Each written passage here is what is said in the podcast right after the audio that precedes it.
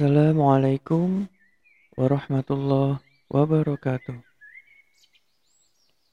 Sobat Suwondu Podcast yang disayang Allah. Pada episode sebelumnya kita telah mendengarkan bagaimana Qasim dan Abdullah meninggalkan keluarga mereka untuk bertemu dengan Allah lebih cepat.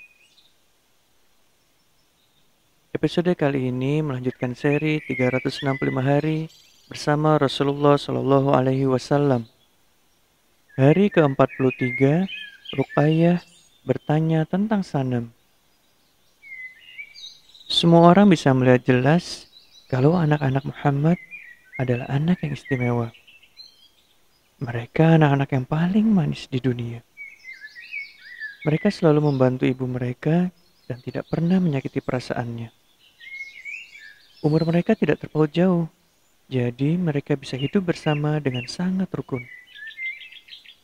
Mereka tidak pernah bertengkar. Kalau mereka kesal dengan yang lain, mereka akan dengan cepat melupakannya. Mereka juga biasa menjaga adik mereka, Umi Kulsum.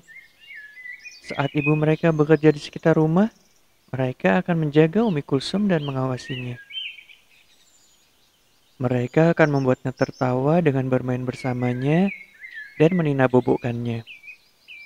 Begitu pekerjaan ibu mereka selesai, Baru mereka pergi keluar bermain.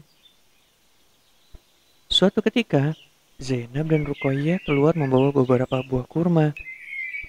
Kemudian menemui teman-teman mereka dan membagikan kurma itu kepada teman-temannya.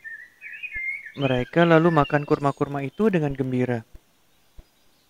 Seorang anak perempuan tidak memakan kurmanya dan berkata, Akan kuberikan kurmaku kepada Sanam akan kusuruh dia memakannya. Rukoya tidak mengerti masuk anak itu karena ia tidak tahu siapa Sanam. Tidak lama kemudian anak perempuan itu kembali dan berkata, Memangnya kenapa kalau Sanam tidak mau makan? Memangnya aku tidak punya mulut? Lalu anak itu memasukkan kurma itu ke dalam mulutnya. Rukoya makin bingung. Rukoya kemudian bertanya pada kakaknya, Zainab. Siapa itu Sanam? Ayah bilang, Sanam itu sebenarnya sama saja dengan batu yang ada di jalan, kata Zainab. Kemudian Zainab menambahkan, orang yang memahat batu dan kayu lalu menyembahnya. Hasil pahatan itu menjadi berhala. Sepanjang hari orang duduk di depan berhala mereka dan berdoa. Di setiap rumah paling tidak ada satu berhala. Rukoya menatap kakaknya.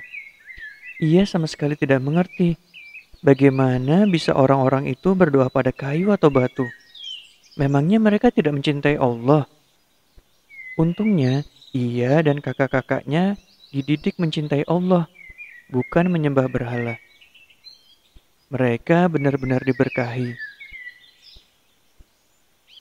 Begitulah kisah bagaimana kebingungan Ruqayyah tentang berhala yang bernama Sanam. Bagaimanakah kisah selanjutnya? Insya Allah kita akan bertemu di episode berikutnya.